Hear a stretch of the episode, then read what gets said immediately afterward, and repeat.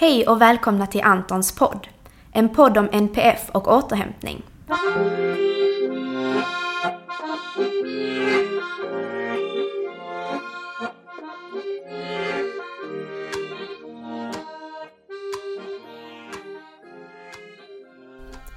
Jag heter Marie och kommer att i dessa poddavsnitt utforska olika aspekter av hur det är att leva med eller tillsammans med någon med NPF, neuropsykiatrisk funktionsnedsättning. Jag heter Josef. För tio år sedan så jobbade jag som pedagog på en särskola och fick en ny elev som hette Anton.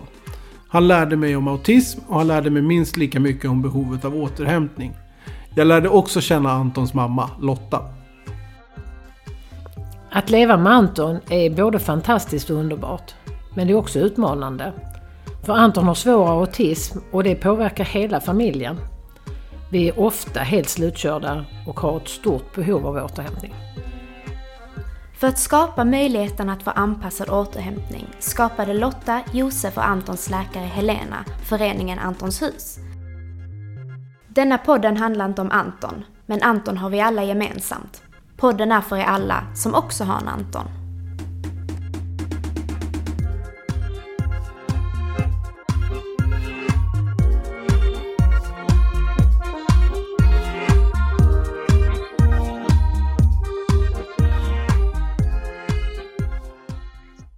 Och välkomna till dagens avsnitt. Och idag har jag med mig Lotta. Hej!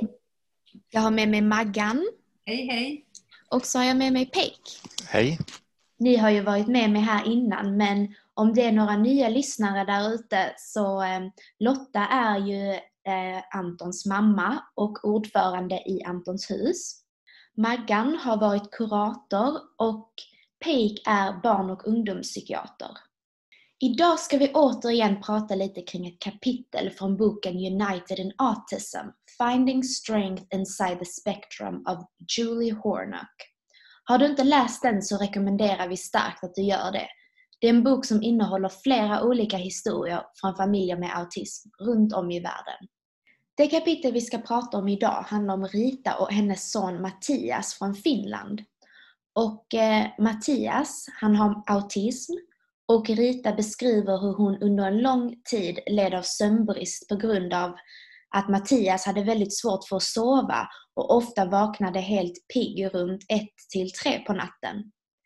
Hon fortsätter därefter sin historia med att beskriva hur mycket och bra hjälp det har fått under Mattias uppväxt från det offentliga hälsovårdssystemet i Finland och från skolan och så vidare. Han fick, eh, han fick till exempel terapi och blev rekommenderad ett läkemedel vid sömnsvårigheter som heter melatonin. Och melatonin ska vi prata om lite senare i detta avsnittet, vad det är och hur det påverkar en. Och eh, med hjälp av detta så eh, kunde Rita äntligen sova ordentligt och hon fick mer ork och energi till nya hobbys. Så detta är verkligen en fin historia med vad som verkar vara ett väldigt lyckligt slut. I och med att hon fick eh, mer tid och energi och ork så har hon också eh, dedikerat den tiden till att hjälpa andra med autism. Och hon gör då det med hjälp av sin historia och sina erfarenheter. Ehm, det är ju ofta man fokuserar på de svårare aspekterna eh, och kring det som inte fungerar med autism. Vad fick ni för känslor när ni läste Ritas lyckliga historia?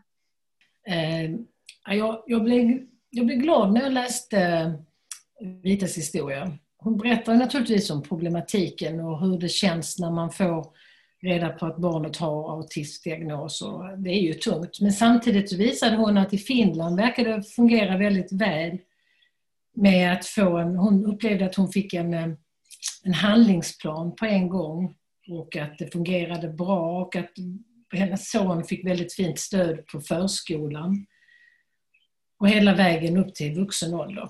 Och det, känns så, det känns så skönt att få, läsa, få höra och läsa om goda exempel, för det är ju de man kan lära sig mycket av och ta till sig och kanske använda själv. Mm, och jag, jag kan hålla med Lotta, jag blev också väldigt glad när jag läste den här berättelsen. Framförallt hur, hur både vilket stöd familjen fick men också vilket stöd Rita heter hon, Rita, Mm. Rita gav andra föräldrar också och, och barn. Så det, det var en väldigt fin historia. Och jag poängterar mycket det här stödet, hur viktigt det är både från barnet eh, nyfött eller eh, från början till ungdomen uppåt. Viktigt med stödet. Mm.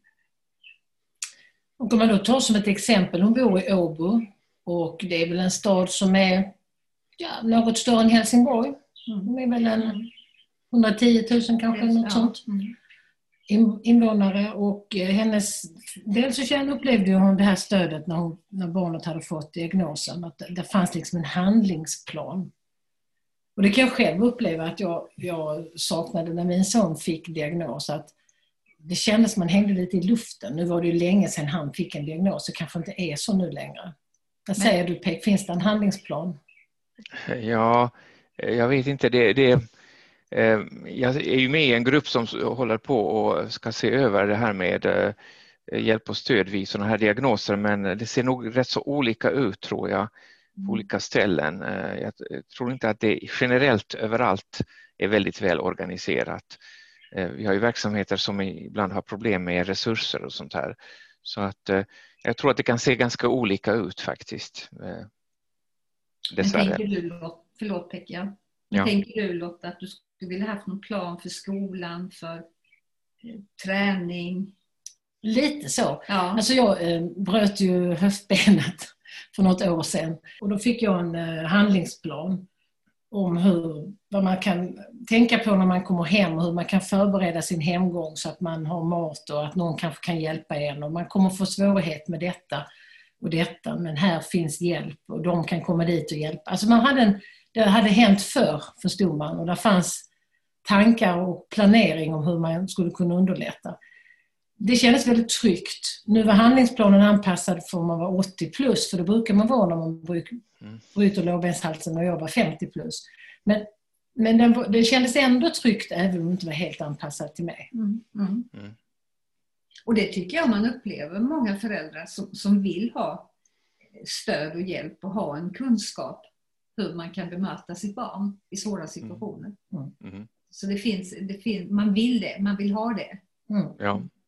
Och, och det finns väl eh, till och med eh, forskning på att eh, vid olika tillstånd, inklusive autism, att psykoedukation är bra, alltså att man får reda på vad är det här för någonting, vad är det för tillstånd Mm. eh, för anhöriga och i förekommande möjliga fall för patienten.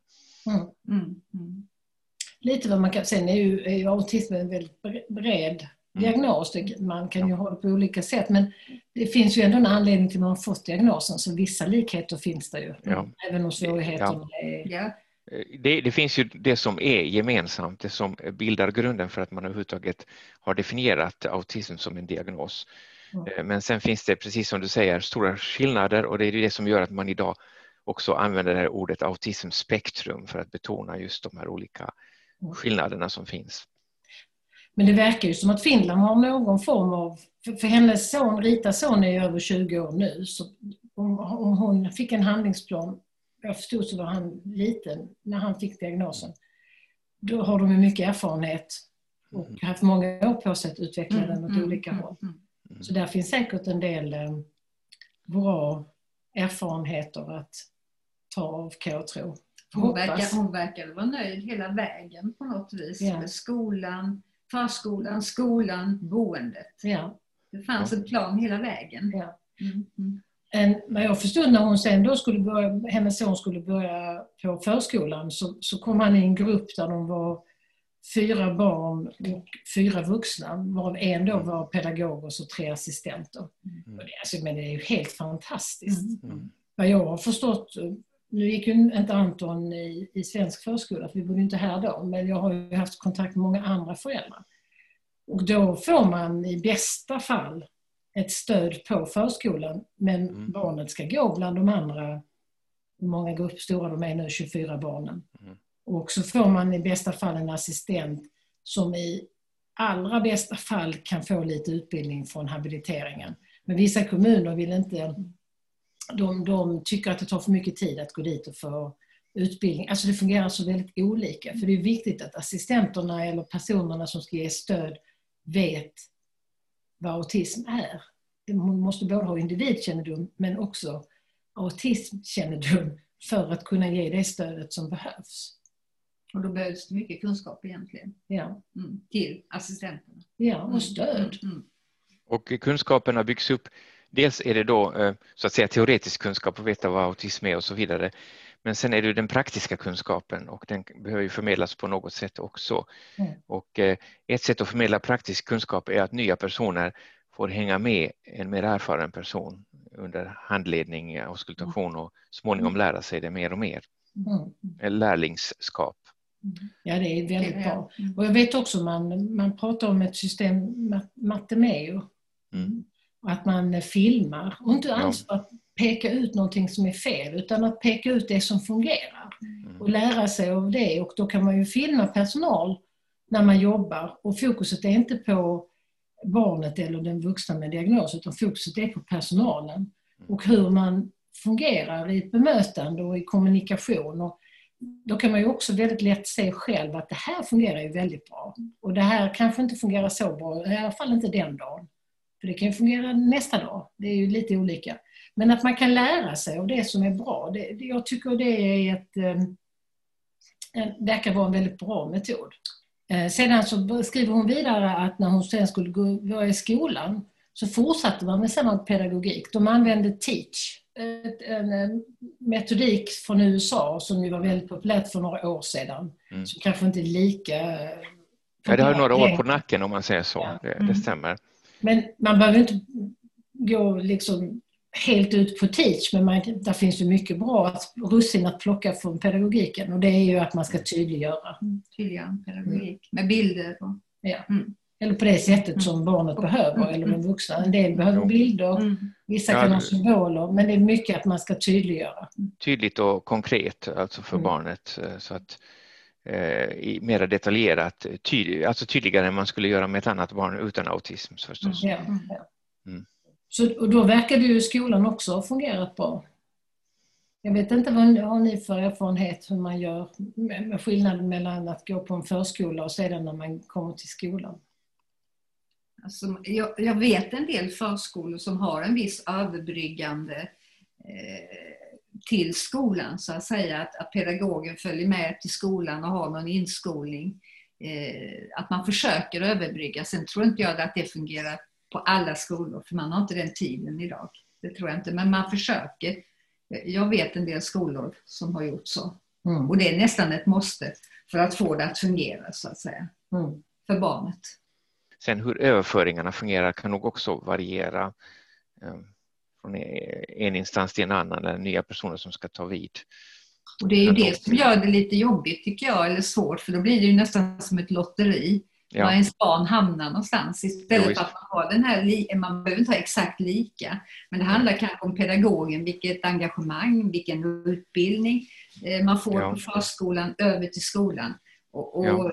då, blir det ju, då blir det ju svårt när Ja. vissa pedagoger inte får den utbildningen, tänker jag. Nej, det, det blir ett, lite som av ett lotteri, tyvärr. Mm. Om jag ska vara Ja. lite negativ, som vi inte skulle vara nu. Men det blir lite som ett lotteri faktiskt. Ja.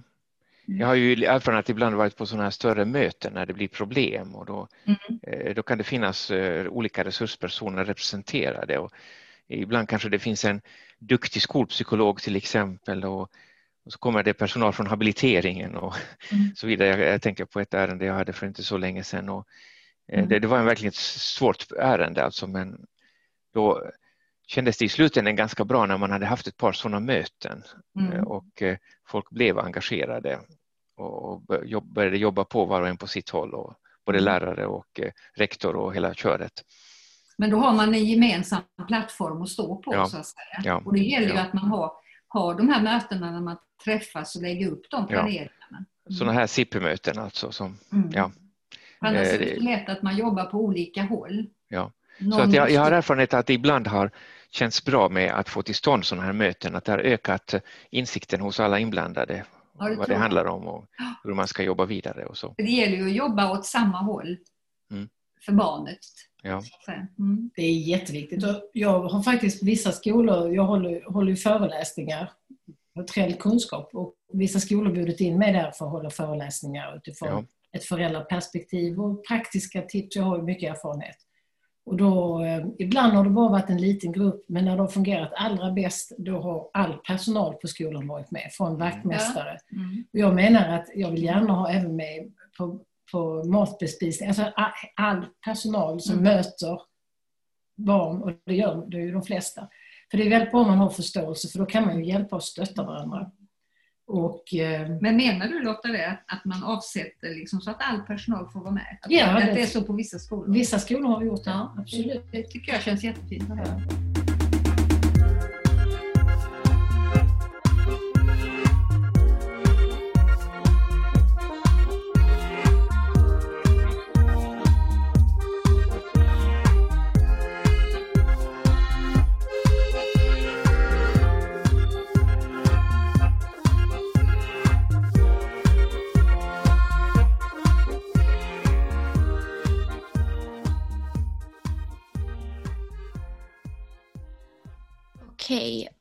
Eh, om vi går vidare lite nu med att prata om sömn, för att det handlar ju, eller kapitlet handlar ju rätt mycket om sömn. Hur påverkar sömnbrist en?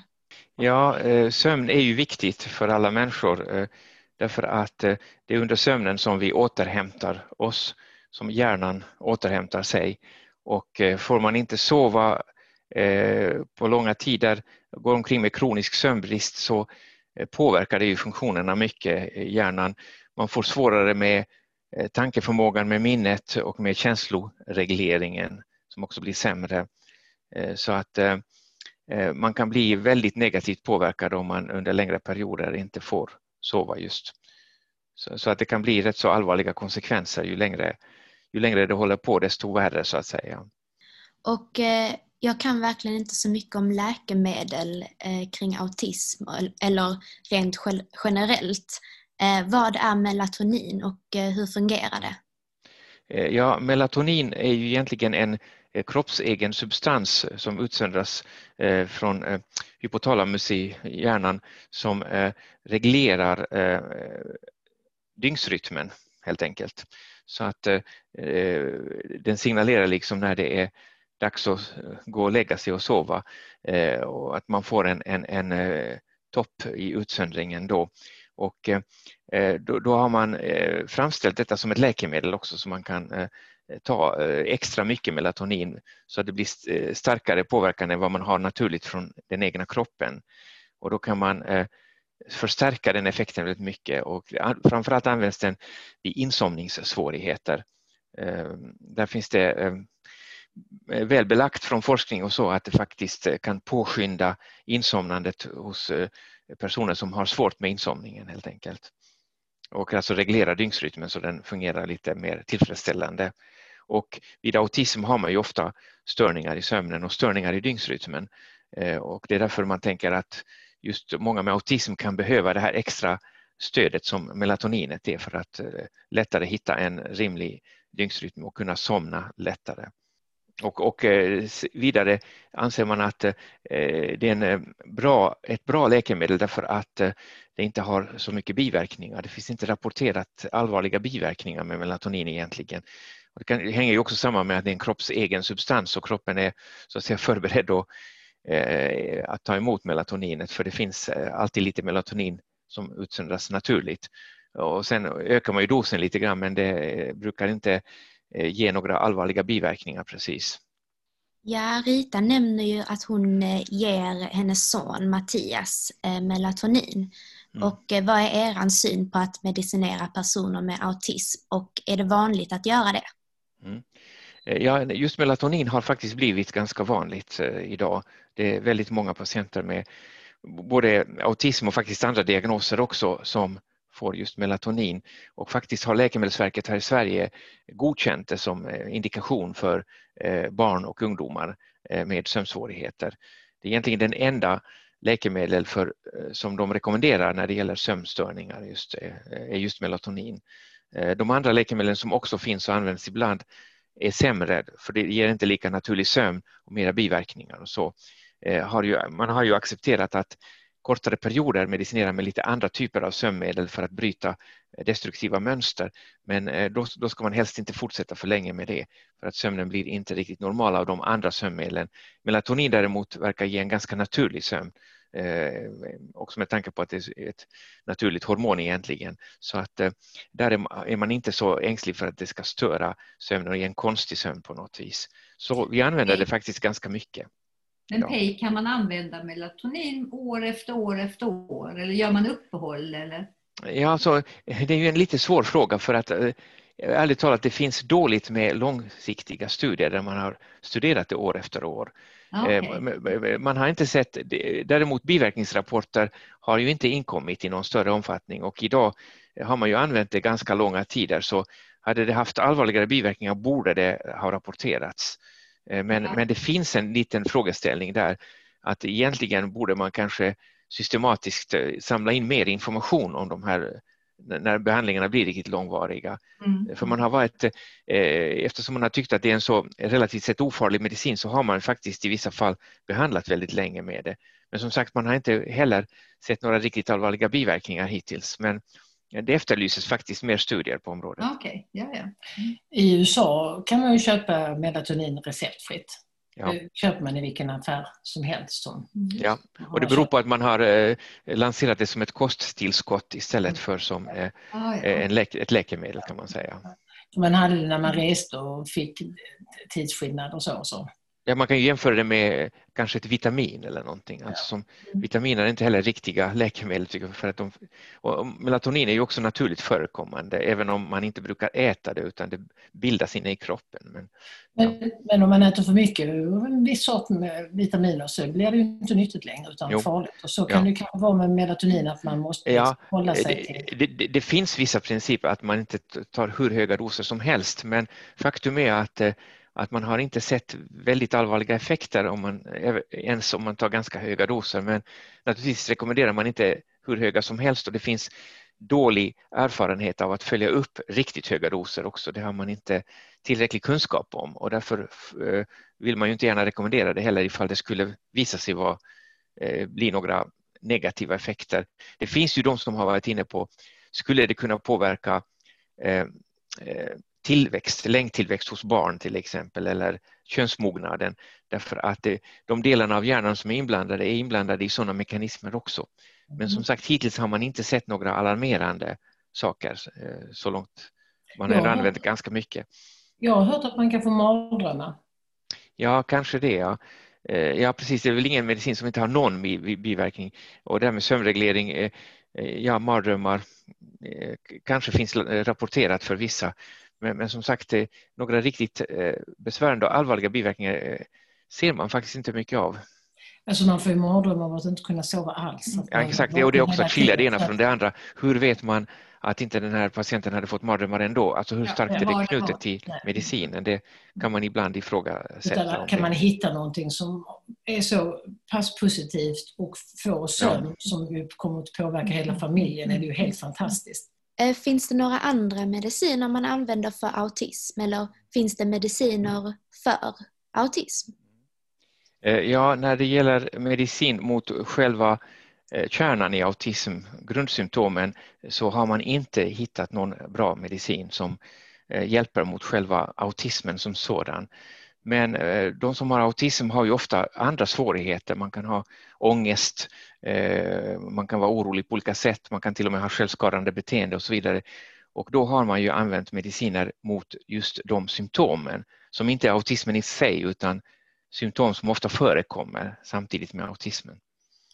Så där har man ju använt mediciner som eh, antidepressiva läkemedel, SSRI-läkemedel, man har använt eh, sådana här antipsykotiska neuroleptika läkemedel till exempel. Så det, det förekommer. Är det vanligt, Heik?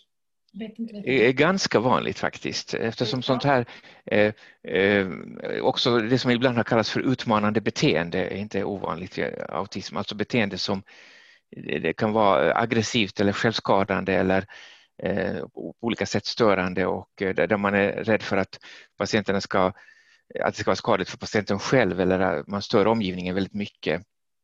Så men, att, Men om man säger de här medicin, medicinerna är ju väldigt, vissa av dem är rätt så tunga eller väldigt liksom, mm. ja, om man nu ska uttrycka det. Hur vanligt är det med övermedicinering? För det har jag också ja. hört många föräldrar, framförallt ja. med äldre barn, ja. som nu vuxna barn, som har varit väldigt oroliga med att de ja. har blivit övermedicinerade. Eh, ja, alltså risken är förstås att eh, om ett barn har eh, något starkt symptom på ångest och oro och så sätter man in någon medicin och då prövar vi det här och så tycker man att det inte hjälper något vidare så kan det locka till att dels höj, pröva höja dosen eller kanske sätta in ytterligare någon medicin. Och ibland kommer man in i ett ekorrhjul, höll på att säga, att man bara fortsätter. Mm. Man ökar mer och mer. Och sen tycker man kanske ibland att okej, okay, nu kanske det hjälpte lite, men då är ju risken att man kanske har eh, kommit in i någonting som skulle kunna betraktas som övermedicinering, att patienten eh, mer eller mindre är drogad, om man säger så, mm. Eh, och på ett negativt sätt som gör att många positiva saker i livet inte får komma till sin rätt längre. Så att man får ju passa sig för detta. Det kan bli övermedicinering. Om vi nu ska ta liksom föräldrar och personer med alltså perspektiv, så att ibland känns det som att personerna med medicineras för att inte vara besvärliga för sin omgivning. Ja, i viss, i viss mån ja. I viss mån, ja. Eh, det, det, det, det, är ju det med utagerande beteende eller eh, att få eh, olika meltdowns och häftiga utbrott och sånt där. Så eh, dels kan man ju fundera på vad det åstadkommer för individen själv men det är ingen tvekan om att det också är en väldig belastning för omgivningen, eh, för föräldrar och lärare, vuxna kring barnet och att de då kan önska att det här besvärliga beteendet dämpas och kanske då genom en medicinering. Så, så visst, och, och man får ju passa sig, precis som du säger, för det här med övermedicinering som man väl ofta kan se i praktiken också att vissa patienter står väl kanske på lite väl höga doser, lite väl många mediciner där man tror att det kan ju egentligen inte vara bra eh, för den här patienten på sikt att stå på så häftig medicinering för det dämpar för mycket av livsfunktioner och man kan få biverkningar och man kan få interaktioner mellan medicinerna. De kanske inte går så bra ihop. menar du Peik ibland då att man kan tänka sig att man kanske ger för mycket medicinering istället för att, att man förändrar omgivningen? Ja, omgivningen. ja visst. Jo, risken är ju att eh, medicinering är en väldigt, eh, på något sätt en väldigt enkel sak att ta till. Ja. Den eh, andra och det, andra, det andra är mindre enkelt. Man kan, måste ja. tänka ut hur ska man ändra miljön och hur ska man ändra bemötandet. Och, eh, det, det, kan upplevas egentligen svårare eh, att göra. Eh, och då kan det locka till det här enkla med att bara medicinera. Fastän på sikt eh, tvärtom att medicineringen eh, kanske eh, till och med blir negativ. Medan eh, hade man kunnat ändra miljön så hade man fått en mer positiv effekt. Mm. Ja, för ska man ändra miljön så innebär det ju många gånger att man själv måste förändra sig. Ja. Och man måste ha, kanske ta till ett lite annorlunda tänk. Ja. Och liksom att, att det, det, kräv, det kräver mer av omgivningen, då är det enklare ja. att ge en piller. Ja, precis. Så, så när, man, när man verkligen medicinerar så som vi pratar om nu, eh, det bästa eh, sättet att göra det på är att vara verkligen vara försiktig med doseringarna. Man ska inte, man ska inte gå eh, för, eh, upp i väldigt höga doser eller för snabbt. Och eh, också tänka på att medicineringen kanske inte automatiskt ska vara någonting man håller på med hela tiden utan kanske en begränsad period och så utvärderar man om man inte kan sluta med medicinen helt enkelt. Och mm. under tiden kanske man jobbar också med andra icke-medicinska åtgärder på att just förändra miljön och så vidare som kanske eh, gör att, eh, att det sen inte går att sluta med medicinen helt enkelt. Men mm. låga doser också, det är viktigt för att ibland går man, speciellt neuroleptika, det finns stöd för att låga doser ibland kan hjälpa och dämpa lite oroligt beteende, kanske skydda patienten mot för mycket sensoriska intryck och så här. Men då är det lätt att man går upp högre i dos och det finns det faktiskt data som talar för att det inte är bra att gå upp högt i dos. Eh, och då kommer man in i ett område, eh, dosering med mycket mera biverkningar. Tyvärr kan de här medicinerna ha eh, påtagliga biverkningar nämligen. Mm. Men när barnet blir lite lugnare så kan man ju också jobba lite med omgivningsfaktorerna. Jo, också. precis. Så det, ja, det... Ja, det, det, det, det, är lite en balans det handlar om och, ja. och det betyder att, att man kan tycka att ibland eh, kan man uppfatta det som att eh, det kanske ändå är försvarbart att sätta in den här låga dosen eh, på provet litet tag och samtidigt jobba på annat sätt. Men att man verkligen måste passa sig för det här med höga doser, många mediciner, långa behandlingstider för det är då man eh, har anledning att anta att det kan eh, blir negativt också. Mm. Ja, men det är jätteviktigt det du säger. Att man, jag, jag, jag känner att eh, min erfarenhet, både från min egen, min familjs, min sons och även när jag pratar med andra, att, att medicinera kan vara hur bra som helst som ett stöd för att kunna hantera sin vardag och mm. förändra omgivningens bemötande och att kunna, alltså man kommer ju in i olika skeden i livet som är mer eller mindre svårt och då kan man ha det som stöd. Men man måste ha en plan på hur man tar bort dem eller sänker dosen. Ja, ja. Så att, eh, som jag uppfattar som du sa så, så var det ju typ, typ det och då är det ju jättebra. Men det är ju ingen lösning ensamt utan Nej. som ett stöd. Lösningen är att hitta ett bemötande och anpassning av omgivningen. Ja. Och i vissa fall eh, kan man faktiskt eh, på rimlig tid hitta ett bemötande som löser problemen så att man inte alls behöver sätta in medicin också. Ja. Respektive att göra det kort tid och låga doser och så här.